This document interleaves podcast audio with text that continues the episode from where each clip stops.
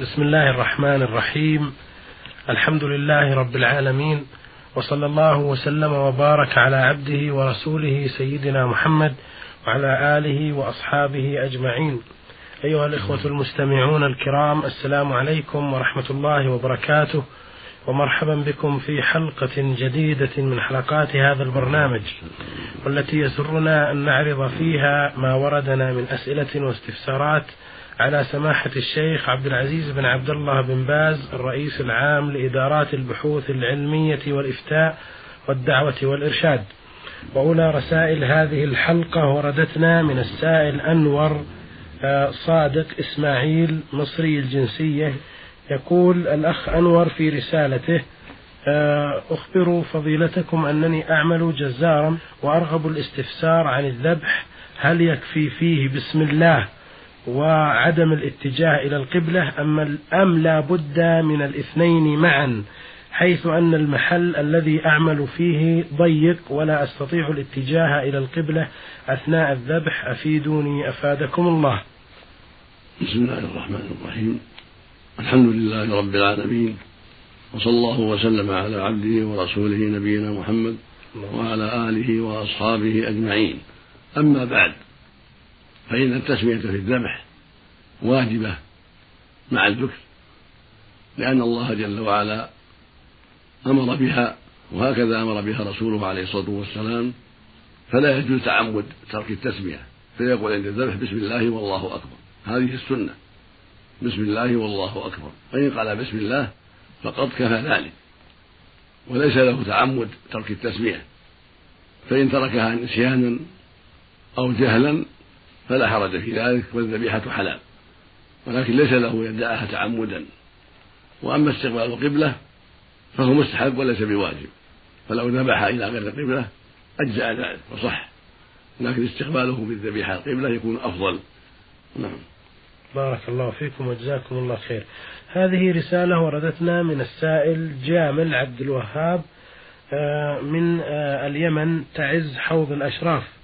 يقول أردت أن أصلي الظهر فعند التكبير نويتها سنة. وعند التشهد نسيت أن أسلم فقمت أكمل الصلاة. ولم أذكر أني نويت للسنة إلا بعد أن أكملت الصلاة. فهل تصبح صلاتي صحيحة أم لا؟ ليست بصحيحة من جهة الفرض ولكنها نافلة. تكون كلها نافلة عملا بالنية الأولى. وعليك أن تأتي بالفريضة بعد ذلك. لأن الأعمال بالنيات وقد نويتها نافلة فلا تنقلب فريضة. بل هي باقية على حالها نافلة. وعليك أن تأتي بالفريضة. نعم. بارك الله فيكم.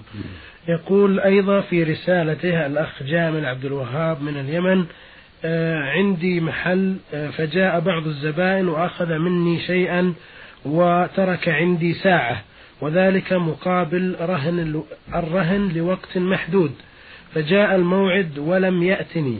فاحتجت للساعة ولبستها فهل علي إثم في ذلك أم لا؟ الواجب عليك أن تصبر حتى يأتي صاحب الساعة ويعطيها حقك. فإن شق عليك ذلك ولم ترضى بالصبر فإنك تبيعها في المزاد العلني تبيعها في السوق بأقصى ما تساوي ثم تأخذ حقك.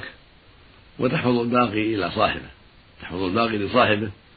فإن أتى يوم من الدهر أعطيته حقه. وإن طال الزمن ولم تعرفه ولم تتمكن من إرسال حقه إليه تصدقت به على بعض الفقراء بالنية عن صاحبه.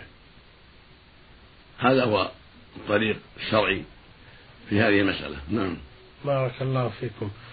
يقول أيضا هناك رجل وضع عندي شيئا وذلك لمدة أسبوع.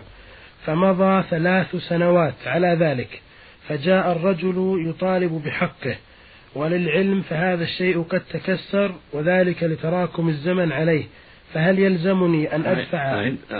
يقول رجل وضع عندي شيئا لمدة أسبوع ولكن مضت ثلاث سنوات على ذلك فجاء الرجل بعدها يطالب بحقه وهذا الشيء قد تكسر وذلك لتراكم الزمن عليه. فهل يلزمني أن أدفع له الثمن أم ماذا مع العلم أن قيمة هذا الشيء تقدر بمبلغ 400 ريال؟ أفيدونا جزاكم الله خيرا. إذا كان تلف هذا الشيء ليس بأسبابك بل هو محفوظ في المحل الذي يحفظ فيه أمثاله ثم طرأ عليه التكسر من دون عمل منك ولا أثر منك فلا فلا شيء عليك. أما إن كان لك فيه تسبب فعليك أن ترى قيمته. فإن لم يتم ذلك بينكما فالمرجع المحكمة الشرعية في ذلك. ولكن المؤمن يكون خصيم نفسه وينصف من نفسه فإذا كنت أنت السبب فلا حاجة إلى الخصومة ولا يجوز لك الخصومة عليك أن تعطيه قيمة ما أتلفت عليه. أما إذا كنت بريئا لم لم تحدث شيئا ولم تغير شيئا ولكنه تلف بسبب طول الزمان والعادة أن مثله يتلف بطول الزمان هذه قرينة على أنك لم تعمل فيه شيئا ولا حرج عليك. نعم. بارك الله فيكم وجزاكم الله خير. هذه رسالة وردتنا من المرسلة سين ميم عين من المدينة المنورة تقول في رسالتها أنا فتاة في السابعة عشرة من عمري مؤمنة ومواظبة على أداء الصلاة والحمد لله ولكن مشكلتي هي الوسواس والشك. فعندما أستيقظ من النوم أجد بللا في ملابسي وأغتسل لاعتقادي أنه احتلام مع أنني لا أعرف معنى الاحتلام وما صفة الماء المصاحب له.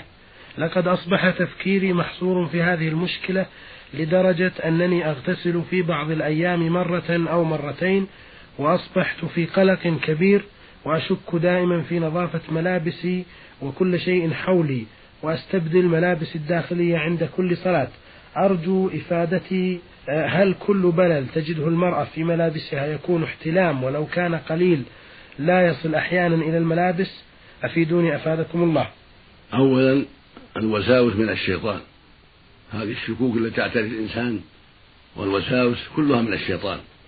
فالواجب محاربته والتعوذ بالله من شره. فعليك أن تتعوذي بالله من الشيطان.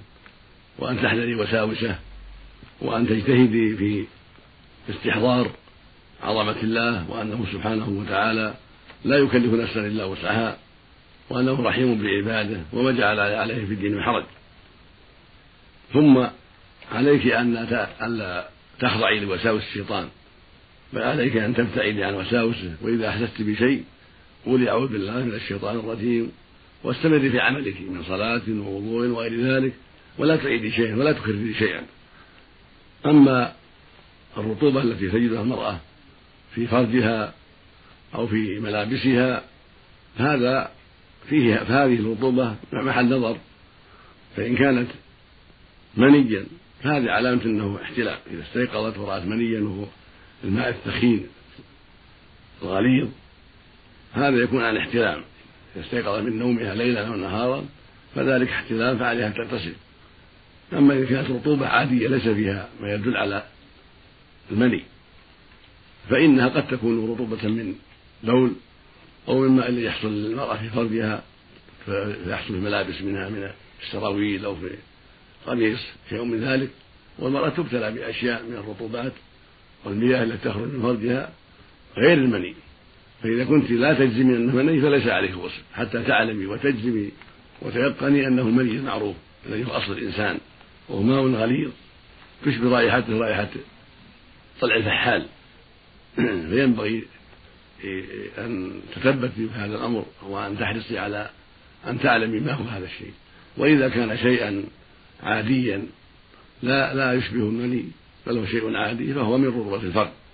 فيكفي أن تغسلي ما أصاب ملابسك من ذلك وتستنجي بالماء ثم توضئي وضوء الصلاة. يكفي هذا ولا حاجة إلى الغسل.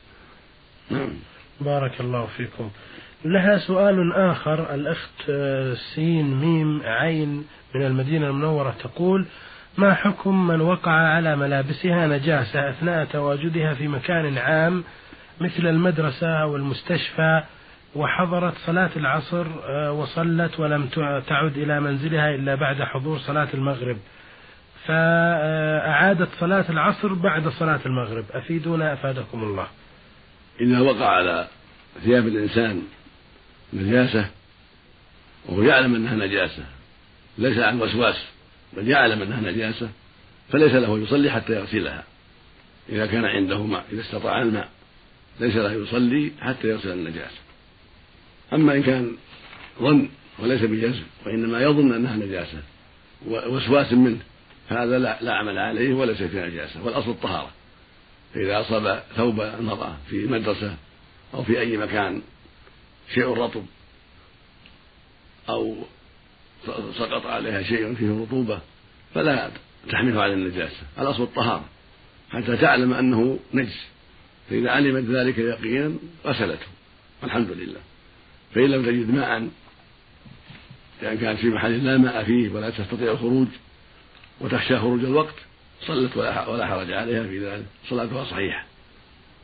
فإذا استمرت ولم تصلي إلا بعد الغروب وهي حست في هذا وقت العصر ولكن أخرت حتى غابت الشمس فصلت المغرب ثم صلت العصر هذا فيه تفصيل.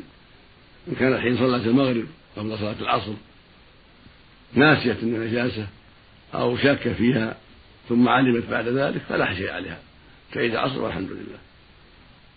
لأن حين صلت المغرب ما عنده يقين أنها أن صلاة العصر غير صحيحة. أما إن كانت ما صلت العصر بالكلية ثم صلت المغرب قبلها هذا لا يصح. لا بد أن تصلي العصر أول ثم تصلي المغرب. لكن إذا صلت العصر ثم علمت أن أن في ثوبها نجاسة فإن صلاتها صحيحة. ولا ولا تعيد الصلاة لأن المسلم إذا صلى وفي ثوبه نجاسة جاهلا بها لا يعلمها أو ناسيا لها فصلاته صحيحة. لأن النبي صلى الله عليه وسلم صلى ذات يوم وفي نعليه أذى فأخبره جبرائيل عليه الصلاة والسلام بذلك فخلع عليه ولم يستأنف الصلاة ولم يعد أولها عليه الصلاة والسلام. فدل ذلك على أن الإنسان إذا صلى ثم علم أن في ثوبه نجاسة أو على بدنه نجاسة فلا فلا إعادة ليس عليه إعادة. لأنه لم يعلم ذلك إلا بعد الصلاة. والخلاصة أن الإنسان إذا صلى المغرب أو أو العشاء أو غيرهما ثم ذكر أن عليه صلاة فإنه يأتي بالصلاة التي عليه ولا يعيد ما صلى. أما إذا تعمد أن يصلي المغرب وعليه صلاة العصر ويدن عليه صلاة العصر أو تعمد يصلي العشاء وعليه صلاة المغرب قد علم ذلك. هذا لا يجوز الترتيب واجب. أما إذا كان حين صلى المغرب أو العشاء قبل العصر أو قبل المغرب ناسيا أن عليه صلاة أو جاهلا أن عليه صلاة فصلاته صحيحة. وليس عليه يعيد إلا الصلاة التي ثبت لديه أنها غير صحيحة. نعم. بارك الله فيكم. هذه رسالة وردتنا من السائل محمد علي القرني من جدة القاعدة الجوية. آه والسؤال موجه لسماحة الشيخ عبد العزيز بن باز. يقول هل يجوز التداوي عند بعض الناس من النساء والرجال الذين يدعون أنهم يعالجون المريض عن طريق استحضار الجن؟ والسؤال يدور حول امرأة تستدعي الجن عند معالجة المريض وهي تذكر الله ورسوله صلى الله عليه وسلم وتقرأ الفاتحة وبعض سور القرآن ثم يحضر الجان ويسلم على الجالسين حوله ويذكر أن الفساد منتشر في الأرض وأن الظلم سائر بين الناس ثم يصف العلاج من بعض الأعشاب ومن ضمن ما يذكر للمريض أن يذبح ديكا أو دجاجة ويخصها بلون من الألوان ويضعها على صدر المريض ويقول بمشيئة الله يزول هذا المرض عن المريض. ولكن بعد أن يتم الشفاء يطلبون من المريض أن يزورهم في السنة مرة أو مرتين عند عيد الفطر أو الأضحى أو في رجب. وللأسف يعود المرض على المريض أو أحد أقربائه مما جعل لها الأثر الكبير في قلوب من يذهب إليها أو غيرهم. وأن من يذكرها بسوء أو يقول إنها مشعوذة إن جاز له التعبير عند هؤلاء يردون عليه بقولهم إنها طيبة ويغدقون عليها المدح ويدعون لها بالستر والرضا من الله. هل يجوز الذهاب إلى هذه المرأة لغرض العلاج؟ آه إذا عجز الطب الحديث أفيدونا أفادكم الله. هذه المرأة وأشباهها لا يجوز أن تؤتى لطلب العلاج ولا للسؤال عن شيء.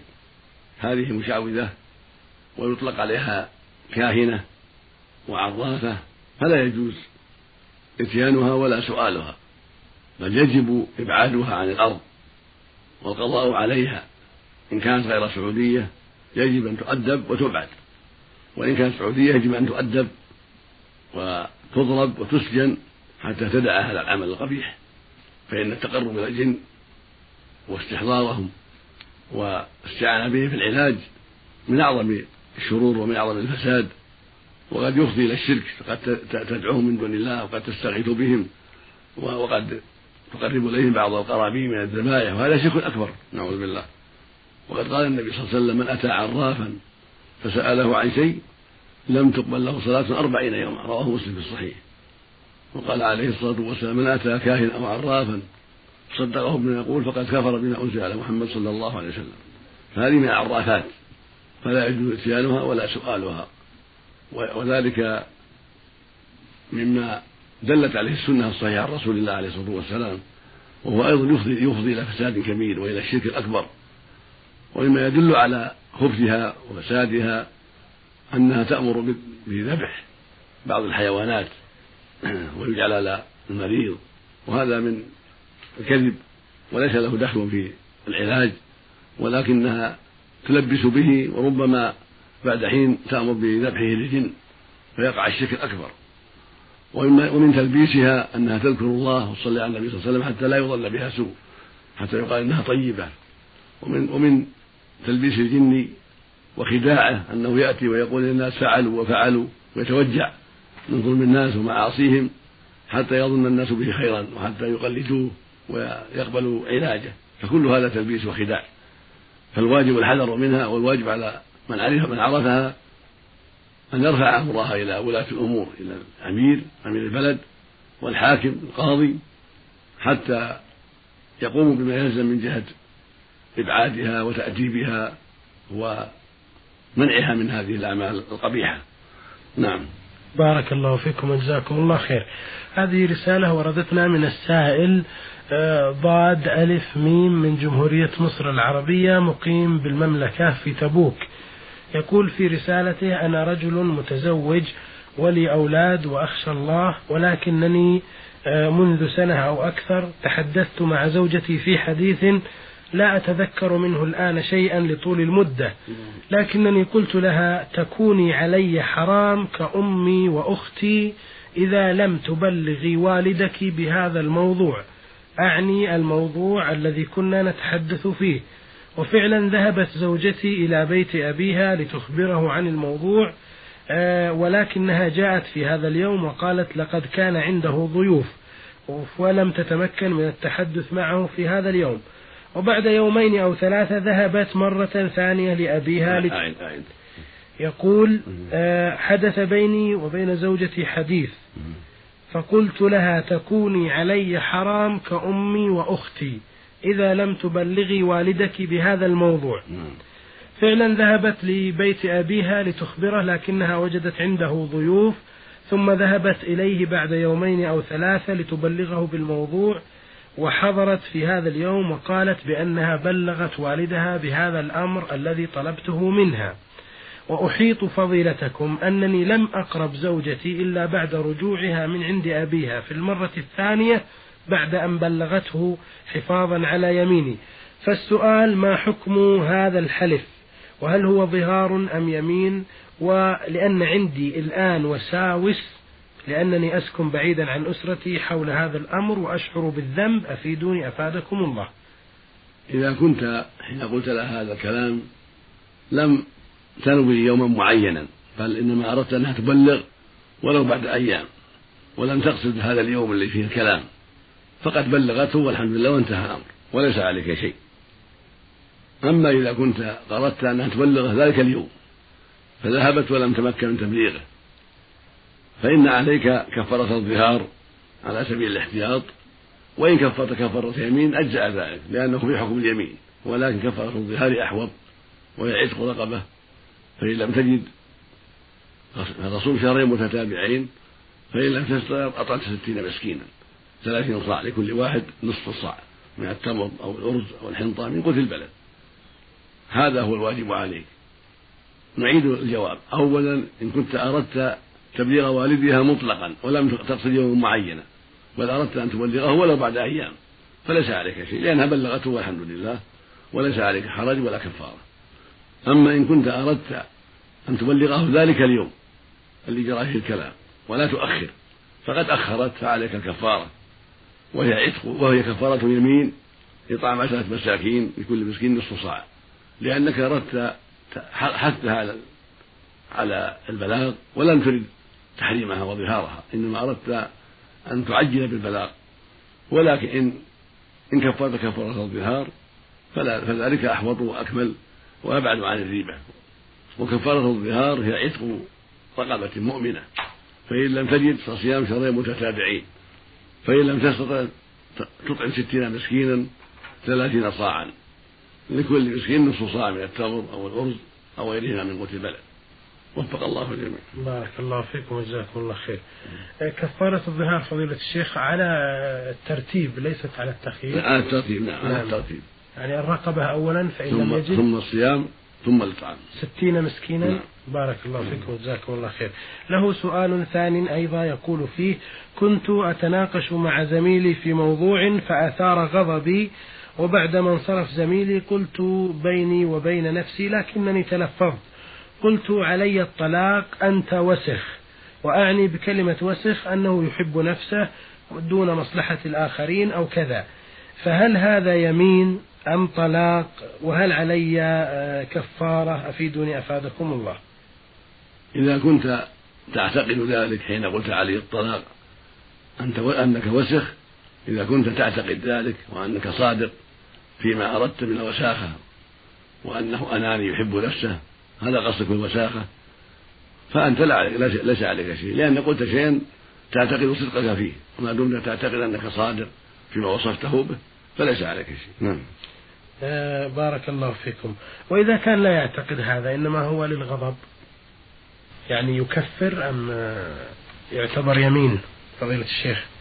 هذا يختلف إذا قال أنت وسخ ويعتقد أنه كاذب الظاهر يقع عليه الطلقة يقع على زوجته طلقة واحدة. نعم. لأنه ما ما أراد بهذا مخاطبة أحد من الناس بينه وبين نفسه. نعم. فإذا قال أنت عليه الطلاق أنك وسخ أو عليه الطلاق أن فلان قدم وهو يعلم أنه ما قدم يقع طلقة جزاكم الله خير. زوجته. نعم. جزاكم الله خير بارك الله فيكم. هذه رسالة وردتنا من المدرس محمد سلمان سليم الجرامين من الأردن. آه، يدرس في الجمهورية العربية اليمنية. يقول نذرت على نفسي أن أذبح لوجه الله ذبيحتين إذا وهبني الله طفلا. وعاش حتى الأربعين. نذرت هذا وأنا مقيم بالأردن ولكن لفظي كالتالي. يا ربي إذا وهبتني طفل وعاش فعلي فعلى أربعينه آه، سوف أذبح لوجهك ذبيحتين. وشاءت الأقدار وسافرت إلى اليمن وقد وردتني برقية تفيد بأن زوجتي أنجبت طفلة وهي بخير. السؤال هو هل يحق لي أن أنتظر حتى أعود من اليمن إلى الأردن ومن ثم أوفي بنذري أم أوفي به في اليمن؟ وما هي أفضل الطريقة لتوزيع النذر؟ وهل لي أن آكل من النذر أم لا؟ وهل لي أن أدعو عليه أحد؟ أفيدوني جزاكم الله خير. الواجب البدار بالنذر لأن القاعدة الشرعية أن الواجبات يجب البدار بها إلا أن تكون مؤقتة بوقت. فالواجب البدار بالوفاء بالنذر إذا كمل الأربعين. إذا كمل الطفل الأربعين فالواجب عليك البدار بما نذرت في نفس اليمن. أما كون تأكل أو ما تأكل فهذا يرجع إلى نيتك. إن كنت أردت أنك تأكل منها أنت وجيرانك وأقاربك تذبح تذبح الذبيحتين وتأكل أنت وجيرانك وأقاربك من ذلك. أما إن كنت ما نويت شيئا فإنها تذبح فإن الذبيحتين تذبح للفقراء توزع على الفقراء والمساكين ولا تكن منها شيء لأنك لم تنوي ذلك. والأصل في النذور أنها للفقراء والمحاويج ليست للنادر. هذا هو الأصل. إلا أن تكون نويت أنك تأكل منها أنت وأهل بيتك فلك نيتك. تأكل منها أنت وأهل بيتك وجيرانك وتعطي الفقراء. وينبغي لك ألا تنذر في المستقبل. الرسول نهى عن النذر. قال إنه لا يأتي بخير وإنما يستخرج من البخيل. فينبغي لك ألا تنذر أبدا. لأن لأن الرسول نهى عن ذلك عليه الصلاة والسلام قال لا تنذروا. فإن النذر لا يرد من قدر الله شيئا. وإنما يستخرج من البخيل. ثانيا وقع في كلام شاءت الأقدار. هذه العبارة لا لا تصلح. ولا يجوز أن يقال شاءت الأقدار ولا يقال شاء الله. شاء الله سبحانه شاء ربي سبحانه. شاء الملك الملك الرب جل وعلا شاء الرحمن شاء ربي وما أشبه ذلك. يعني ينسب إلى الله ينسب إلى الله. لأن الأقدار ما لها تصرف. الأقدار شيء مضى به علم الله سبحانه وتعالى. نعم. بارك الله فيكم. ذكر ذبيحتين آه نعم. ذبيحتين نعم. نعم. بارك الله فيكم. آه هذه رسالة وردتنا من السائل علي الدليم غرامة الأسمري من محائل تهامة عسير إدارة التعليم. يقول الأخ علي دليم في رسالته أنا رجل متزوج وعندي ثلاثة أطفال. آه يوجد لدي آه، عمتي أم زوجتي طلقها آه، زوجها اللي هو عمي منذ عشر سنوات. وأبرزها بصك شرعي وساكنة معي. وأقوم بالإنفاق عليها. ولا يخفى على فضيلتكم أن عمي أبو زوجتي غير متزوج.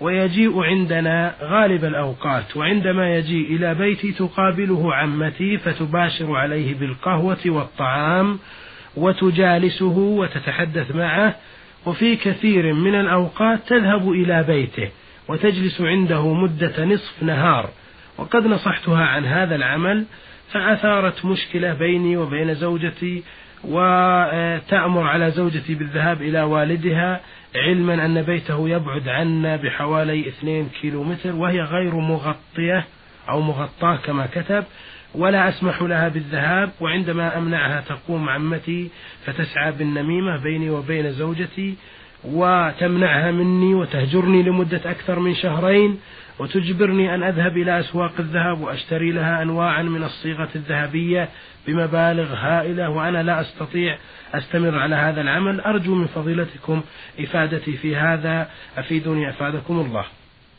هذا العمل من أم زوجتك؟ لا يجوز. ليس لها أن تذهب إلى بيته وما عند أحد في بيته. إذا كان ما عند أحد في بيته ليس لها أن تذهب إليه. لأن هذه تهمة والخلوة بها أمر محرم ومنكر ووسيلة إلى فعل الفاحشة. كذلك ليس لها أن تخلو معه في بيتك. وتحدث إليه وتقدم له الطعام معه وحده ليس معه أحد. أما إذا كانت جلست حوله تحدث وبنتها عندها أو عندها غيرها من غير خلوة مع الحجاب والستر فلا بأس. أما أن تكشف له ولا تحجب عنه هذا لا يجوز لأنها لما طلقها واعتدت بانت منه. إذا كان طلاقها رجعيا فإنها تبين بعد خروجها من العدة وتكون أجنبية ليس له خلوة بها وليس له النظر إليها وليس لها أن تكشف. وجهها ولا رأسها ولا بدن شيء بدنها له بل عليها أن تحتجب كسائر الأجانب. فعليك أن تنصحها وتوجهها إلى الخير وتطلب من الناس الطيبين الذين تعرفهم أن ينصحوها وأن يحذروها من مغبة عملها وأنه أمر لا يجوز. وإذا كانت تؤذيك وتسبب مشاكل بينك وبين زوجتك فلك أن تمنعها من دخول بيتك. لك أن تمنعها من دخول بيتك فتذهب إلى حيث شاءت لأنها تضرك حينئذ وإن صبرت عليها ونصحتها فأنت مأجور. نعم. بارك الله فيكم وجزاكم الله خير. أيها الإخوة المستمعون بهذا نأتي إلى نهاية هذه الحلقة ونستودعكم الله ونشكر سماحة الشيخ عبد العزيز بن عبد الله بن باز والسلام عليكم ورحمة الله وبركاته.